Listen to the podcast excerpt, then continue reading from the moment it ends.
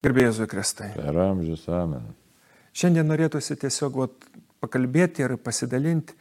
Yra bažnyčioje dvi tokios tarnystės. Tai yra um, vidinio išgydymo tarnystė ir išlaisvinimo tarnystė, kuri gana dažnai vadinasi tiesiog vat, egzorcizmas kaip toks.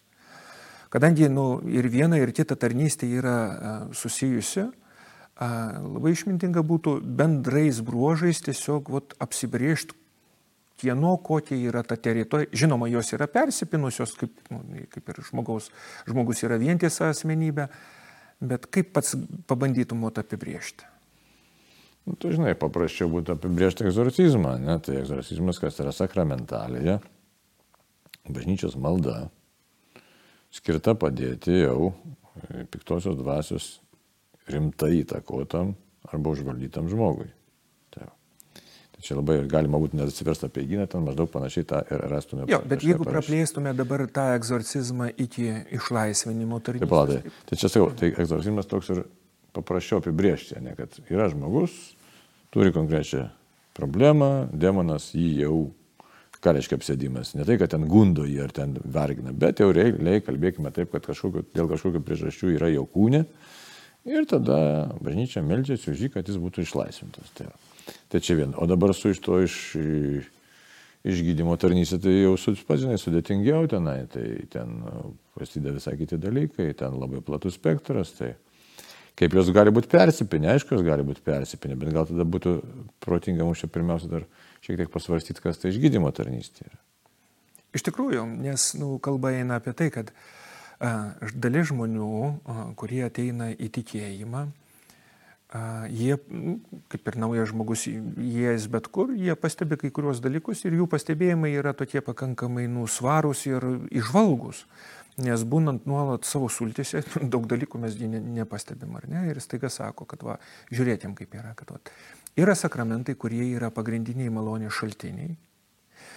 Ir kartais žmogaus gyvenime tarsi jie mažiau veikia žargoninių terminologiją kalbant. O va, nuėjo žmogus vadintim užtarimo maldos, štai išgydymo tarnystės ir staiga vot, jis nu, tarsi vot, sužydėjo ir visai. Mhm. Ir jis tada klausė labai teisėtai, o kaip čia dabar tada? Šia, pagal teologiją sakramentai lyg ir turėtų turėti didesnį svorį, o pagal praktinės pasiekmes lyg tai būtų taip. Aš šiek tiek provokuoju. Jo, jo, bet taip ir yra, taip ir yra. Bet tai nereiktų čia supriešinti, labai toks būtų, man atrodo, toks redukuojantis požiūris, kad tu iš sakramentai viską turi padaryti, sakramentai yra malonės ženklai ir tą malonę žmogus gauna. Bet dabar iš išgydymo tarnystė arba ten tokio jau, nu, laisvinimo tarnystė, tokio išgydymo, ne tai reikalinga žmogui, kuris yra tam, tam tikrame kažkokiame tai, nu, suspaudime, nepatogume ir dabar reiktų galvoti, apie ką mes kalbam mes galim kalbėti apie žaizdas vidinės ir ką tai bendra su sakramentas. Ir aišku, ligonių sakramentas, visai mes daug iš jo tikimės, bet ligonių sakramentas tai skirtas esant rimtai lygai ir iš tikrųjų ir lygos, ir dvasinio gėrio atžvilgių, tai yra to prasme. Tai va. Arba žmogus veiksta ir kad turėtų stiprybės iškestą lygą, arba jau jisai keliauja pas viešpatį ir kad galėtų būti susitaikęs su juo. Jo, bet tiesiog sustojant dar ties e, ligonių sakramentų norėtųsi paaiškinti, kad uh, tam, kad būtų, nu kaip čia pasakyti, pilnai išsiskleidė šitas e, sakramentas, labai svarbu būtų, kad žmogus galėtų atlikti, a, jeigu yra galimybė ir viso gyvenimo išpažinti ir susitaikyti ir atleisti visiems žmonėms, kurie yra įskaudinę arba įskaudinęs. Ir tada, vadinkim, nes nu, dažniausiai jį būna kaip de facto, kada kunigas yra pakviečiamas pa žmogų, kuris nu, jau ne visada adekvačiai reaguoja į tikrovėje esančius dalykus ir tada jau šitas paruošiamasis arba širdies atviru, atvirumo arba nuvalymo vadinti momentas jis nu, tampa toks. Tai, va. tai dabar apie e, tą išgydymo tarnystę. Dabar žmogaus gyvenimas įvairus, aspektas labai įvairus. Tai jeigu žiūrės e, juoda balta arba tiksliau išganimas ir, ir pralaimėjimas, tai sakramentai mus tikrai veda, stiprina ir e, veda mus į kovą. Tai va. Bet bažnyčios veikimas yra labai platus. Bažnyčia yra šventosios dvasios bendruomenė, yra Kristaus kūnas, mistinis Kristaus kūnas, kuri, kuriame ir veikia šventoji dvasia. Ir kadangi žmogaus gyvenimas, tas mūsų ta psichika ir mūsų visa būtis yra nusudėtinga, Tai viešpas, viešpas nori viską paliesti ir dam davė galių. Tai jeigu mes dabar žiūrėtume, pavyzdžiui, jie paštalo Paulius pirmą laišką korintiečiams, ką jisai sako, žiūrėkite apie pranašystės dovaną, ką sako. Jeigu įeitų kas nors jūsų susirinkimą, ten koks nors nusidėlis, jis sako, jūs iškart pasakytumėt, jeigu rimtai dvasioje gyventumėt, kas kažkas su to žmogumi yra taip ir taip ir taip ir ne taip, ne. Kitaip tariant, dvasia pažįsta žmogaus gelmes. Ir Dvasia kviečia ne tik žiūrėti juodą baltą, bet kviečia pamatyti ir pagydyti tą visą žmogaus būti, kad e, ne tik tai, kas susijęs su tokiu jau iškeliavimo momentu arba sunkiomis lėgomis, bet mes žinom, kad kenčiame ir dėl įvairių dalykų, kurių kartais mes patys nesuvokime, net pažįstame, ar kurie mus nu, paliečia e, kažkaip skausmingai. Tai dabar nuo vaikystės tie dalykai paliečia. Aišku, nuodėmė mus yra palietusi gimtoji ir paskui paliečia mūsų tėvų nuodėmės, mus paliečia tas neteisingi pasirinkimai ir paliečia taip pat mūsų pačių įvairiausi momentai. Apie ką kalba? Žiūrėkit, dėl ko mes prastai kartais jaučiamės, kad įsiskaudinimai veikia kažkokie, nuoskaudos, ne, pagrindinis turbūt dalykas būtų, net leidimas veikia, pyktis veikia, Na, tai tokie dalykai veikia. Klaidingi pasirinkimai, sakysime, kad ir su tom pačiom ezoteriniam praktikom kažkokiam, tai ten savo, reiškia, laisvės delegavimas kažkam. Tai nepilnavertiškumas veikia, iš kur atsiranda nepilnavertiškumas. Ir galim kartais pasakyti, kad štai yra psichologiniai dalykai. Tai, tai dabar čia mūsų laikmetis kalba šitie psichologiniai. Dykumų tėvai, sakysime, Vagrius Pontėtis, vis tiek pirmiausia e, kalba apie dvasinius dalykus. Jeigu kai kas kaip ir vertina, sakysim, kas yra psichologija šiais laikais, tai iš tikrųjų dvasiniai dalykai, iš kurių ištrauktas Dievas. Nes kas yra žmogus, reikia žiūrėti. Žmogus tai yra Dievo kūrinys, sukurtas pagal Dievo paveikslą ir panašumą. Jis bet sukurtas pagal Dievo paveikslą ir panašumą, kurį paskui piktasis per savo klastą ir per nuodėmę iškraipė. Tai, va, tai mums reikalas koks jis yra atstatyti žmogų, sugražinti žmogų, kad jisai galėtų funkcionuoti kaip Dievo šventovė, kaip galėtų šventosios dvasios šventovė. Ir kad malonė mumyse galėtų pilnai veikti. Ir tų trikdžių vairiausių yra labai daug. Ir kadangi žmogus turi protą, reiškia, sąmonę turi, tai tas protas turi būti sužeistas protas turi būti gydomas tiek, kiek įmanoma, kiek Dievas leis jį pagydyti, kad jis vėl galėtų funkcionuoti, mūsų dvasia būtų pagydyta iš tikrųjų. Tai štai sausai kalbėti vien tik tai psichoterapija čia neišeina ir už tai išgydymo tarnystė taip ir atsirado, kad sugražint žmogui tą jo dvasinę iš tikrųjų pilnatę. Tai, kad dvasia pasakytų, kas tame žmoguje ne taip. Ir kas dabar pasakyta, ne, šventajame rašte. Nes tai taip ir atsirado tai išla, išgydymo tarnystė, kad dėsite rankas ant ligonių ir tie pasveiks. Šia, ir tai yra tikra. Ir todėl toks yra svarbus tas gestas, kunigiškas gestas, užtarimo maldos, e, komandos maldoje dalyvavimas kad štai bendruomenė meldžiasi žmogų, kuris kažkaip tai sako, aš nekaip jaučiuosi, blogai jaučiuosi. Ir labai dažnai būna tokių dalykų, kurie yra slapti dalykai, nežinomi slapti dalykai. Jeigu aš neklystu, tai turbūt prie tos išgydymo tarnysės tai labiausiai prisidėjo Rufus Pereira, ne? Jeigu tiek kiek istoriškai žiūrint, aš taip galvoju, pasaulyje. Ne? Aš su juo kalbėjau. Pasakyti. Jo, bet jeigu gal ir suklysiu, bet, bet ten tokia istorija buvo, kad, sako, pastebėjau, nu, katalikai, buvome gėti tolę nuo to paprasto gydymo, nes kas buvo pasakyti, kentie, kovok, ne? Ir tos dvasinės kovos, aišku, ne visi sugeba kovoti iš tikrųjų. Tai... Nu, tas, pavyzdžiui, liaudiškas pasakymas, ar ne, ką Dievas myli, tam ir kryželį duoda. Iš vienos pusės jis lyg ir teisingas, bet jeigu mes liaudiškai kalbant, pateisinam bet kokią nereikalingą kančią. Nu, tai jo, bet Dievas yra mylintis, nori sugražinti gyvenimo pilnatvę. Dabar mes puikiausiai žinom, bet patys tame dalyvaujam. Tai, aiškia, sakysim, žmogus ateina, sako, nu, moteris ar vyras, nesvarbu čia. E, bet iš praktinių dar tokių pastebėjimų, matymų ir prisiminimų. Kažkas negerai jaučiuosi prastai, ten kažkas ir nežino, žinai. Tai, e, ir kaip kodėl Rufus Pereira prisiminiau, sako, psichoanalizė, nes vienu laiku buvo pasaulyje labai paplitus psichoanalizė. Tai ilgas procesas, trunkantis daug metų, brangiai kainuojantis ir dar neaišku, ar paveiks. O čia mes žinom puikiausiai užtarimo maldoj, iš kitoj išgydymo tarnystėje, kas vyksta. Pasimeldė ir staiga tam paaišku maldos komandos nariams, kas kaip, pavyzdys, ne, kaip minėjau, moteris atėjo, pavyzdžiui, kaip pavyzdžiui. Ir sako, man kažkas ten Ir išlenda supratimas, kad tai, kai tu buvai 3 ar 4 ar 5 metų ar ten 12 metų, kažkas tave, ten tėvas atstumė, ar, ar mama įžeidė, ar pasijautai nesaugiai, vis staiga supranti, ir staiga žmogus prapliumpa, ašaros bėga ir ateina laisvė.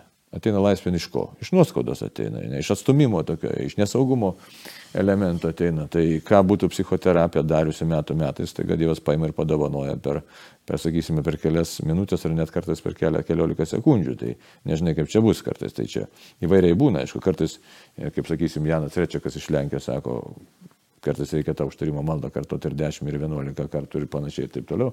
Tu nežinai, kada Dievas prabils kada Dievas panorės tam žmogui padovanoti laisvę. Tai, va, tai iš tikrųjų tai kalbam apie laisvę, apie žengimą į laisvę, kad, kad, nes ką piktasis padaro, jis per įvairias nuoskaudas mus sužeidžia, pasienė saugumo ir mūsų asmenybė tampa tokia, nu, negalinti pilnai funkcionuoti. Tai mes pagrindinė čia yra užtarimo mada, kad jeigu taip kalbėti struktūriškai, ką mes turime mhm. padaryti? Atleisti nuoskaudas, ne? Taip. Kad tos išryškėtų tos nuoskaudos. Ne? Taip. Ir dažniausiai jį būna, kaip pats sakai, dažnai jį būna, kad žmogus sąmoningai neprisimena jų.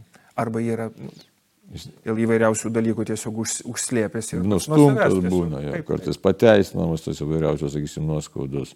Arba žmogus nebekreipia dėmesio, ai čia sako, tėvas ten gėrė, mušėsi, ai tiek to aš jam atleidau.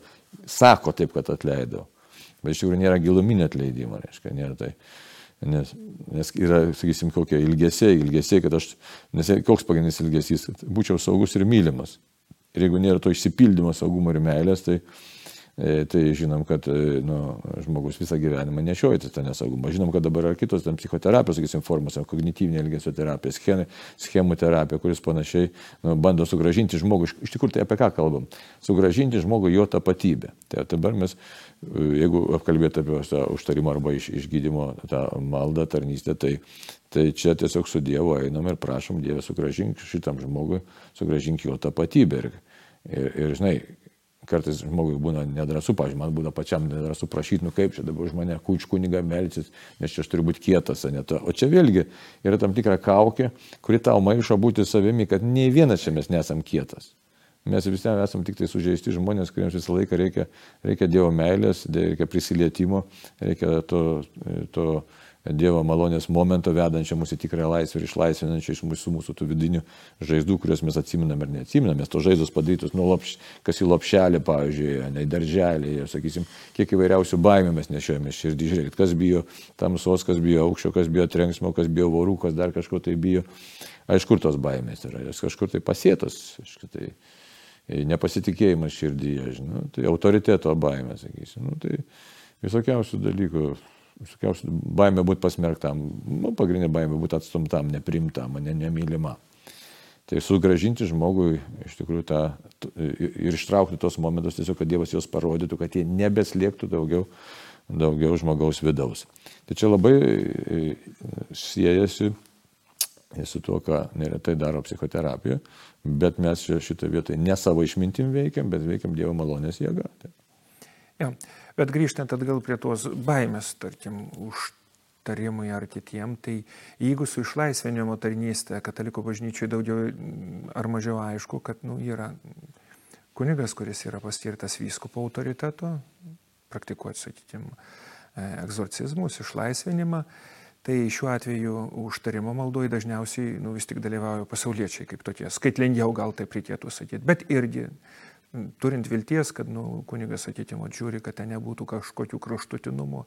Ir žinom, kad nu, dalis žmonių, kurie yra atėję iš ezoterinių mokymų ir po to pažinę Jėzų, nu, jie ypatingų būdų ver, veržiasi dėti rankas, nes nu, tos energetinės patirtis arba kitokios patirtis, kur ten matė, girdėjo ir vis tik pajuto tą tokį nu, ypatingumą arba galių turėjimą, nu, tampa didžiulė kliūtim, kaip atpažinti ir, nu, taip sąžiningai galiu sakyti, kad susitikęs su žmogum, kurio nepažįstu, nu, gerai aš pagalvočiau, ar leisčiau, žinai, žmogui dėti rankas ir melstis, nes, nu, nežinant kai kurių dalykų, nu, turint tarnystės patirtį, nu, nerizikuočiau. Taip, čia labai pavojinga. Tai štai atsakomybė, žinai, bandė bažnyčia ir bando dabar norminti tą išgydymo tarnystę, užtarimo tarnystę. Bet taip ir nėra tokio bendrinio dokumento. Šiaip aišku, viskupai turi, kaip sakyt, jų atsakomybei Tai jeigu taip apsaugant žmonės, tai tikrai turėtų būti pavesta kunigo tarnystė ta bendruomenė, kuri meldžiasi, tie žmonės, tie pasauliečiai turėtų būti prižiūrimi. Aišku, jie patys turėtų labai suprasti, kad nuolankiai norime tarnauti žmonėms, o ne kažką pasirodyti, parodyti, kad nebūtų motyvas varantysis variklis puikybė, žinai. Tikrai noras turėtų būti pagelbėti žmonėms iš viso širdies, o tie, kurie ezoterikai, Taip, labai įdomu, čia toks e, veidrodinis pasaulis, kaip čia pasakyti, tokia ašinė simetrija savotiškai, bet ne, nėra gerąją prasme. Tie, kurie ezoterikos pasaulio dalyvauja, ten, sakysime, ekstrasensorika, bioenergetika ir panašiai, jie labai gerai supranta, apie ką mes čia dabar kalbam.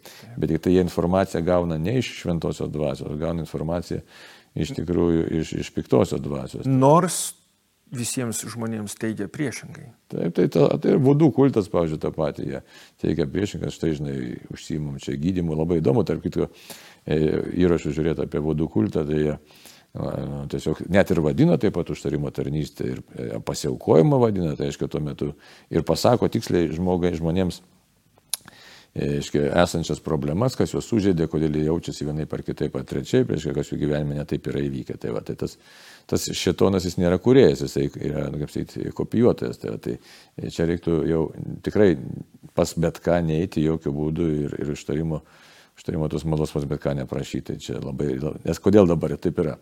Bažnyčia ką sako? Ranką ant galvos gali uždėti tik tai kunigas. Kodėl dabar? Todėl, kad tai yra gestas, bažnyčios gestas, kad šitas žmogus priklauso Kristui. Niekam kitam daugiau negalima dėti, leisti dėti rankų, nes, ta prasme, ant galvos ypatingai Nes tu tuo metu nu, savo valia kaip savotiškai ir atiduodi save, tą, tą pasitikė to žmogumi, tuo, kas už jo stovi. Tai, va. tai jeigu mes bažnyčios erdvėjai e, melžiamės ir dalyvavom, tai mes nu, esam, esam apsaugoti, saugus, tiek prasme, kad norim padaryti tai, ką Kristus nori padaryti. O už, dėl kitų žmonių intencijų mes nežinom, todėl e, kokią rekomendaciją, žiūrėkit, jeigu e, neegzortų kalbėti, tai turi būti iš pažinties prieėjęs, reiškia, nu, gal neseniai, seniai, ta prasme, nu, saliginai, bet kuo dažniau, to geriau. Dabar tie, kurie užtarimo maldoje dalyvauja, taip pat turėtų būti atlikę išpažinti, žodžiu, praktikuojantis dvasinį gyvenimą, gyvenantis ir labai besisaugantis, bet kokiu, jau apie sunkės nuodėmės aš net, net nekalbu, žinai. Bet taip pat ir čia kovojantis su savo... Su, Netobulumais ir taip. silpnybėm. Tai va, tai čia turi būti labai rimtas tos komandos pasišventimas ir tokiu būdu tie žmonės, kurie ateina, jau jie tikrai gaus tai, ką, ką Dievas norėm suteikti, o kitais atvejais tai čia labai E, galima, kaip sakyt, turėti bėdos. Jo, ir tiesiog klausytojams norėtųsi priminti, kad vien dėl to, kad žmonės, kurie teigia, jog turi iš Dievo gydimo galių ir jų namuose yra pakankamai daug įvairiausių religinių paveikslų ar kažkokių kitų atributų, tai nu, gerai reikėtų susimastyti. Ne, tai čia nėra ką matyti, reikia žinoti labai atsargiai. Pas jokius gydūnus, kaip dabar paplytė, sako, žiūrėk, pasitent paveikslėlių, taip toliau, jie visai kitaip interpretuoja iš tikrųjų tos šventus, arba net patys būna, kad nesupranta, kokioms jėgoms yra save atidavę. Tai aš dabar tik tai dar pastebėjau, Rufus Pereira tai buvo egzorcistų asociacijos viceprezidentas, iš tikrųjų, pasaulyje labai paplatino iš tikrųjų užtarimo maldą. Tai žinot, aš dabar jau amžinatas, labai žymus buvo savo, savo metu kunigas, po visą pasaulį važinėjantis, iš tikrųjų tar, E, na, tiesiog mokantis tos užtarimo tarnybo, tarnystės. Tai buvo čia ir rūko atvažiavęs, čia šitai koplytėlė, meldėmės kartu, žinai. Tai, tai labai rimtai reikia žiūrėti tos ypač gydūnus įvairiausius, tai žinot, kad nu, tai yra patenki pas, pas nu, į šamanizmą, modernų į šamanizmą, galim sakyti šitaip.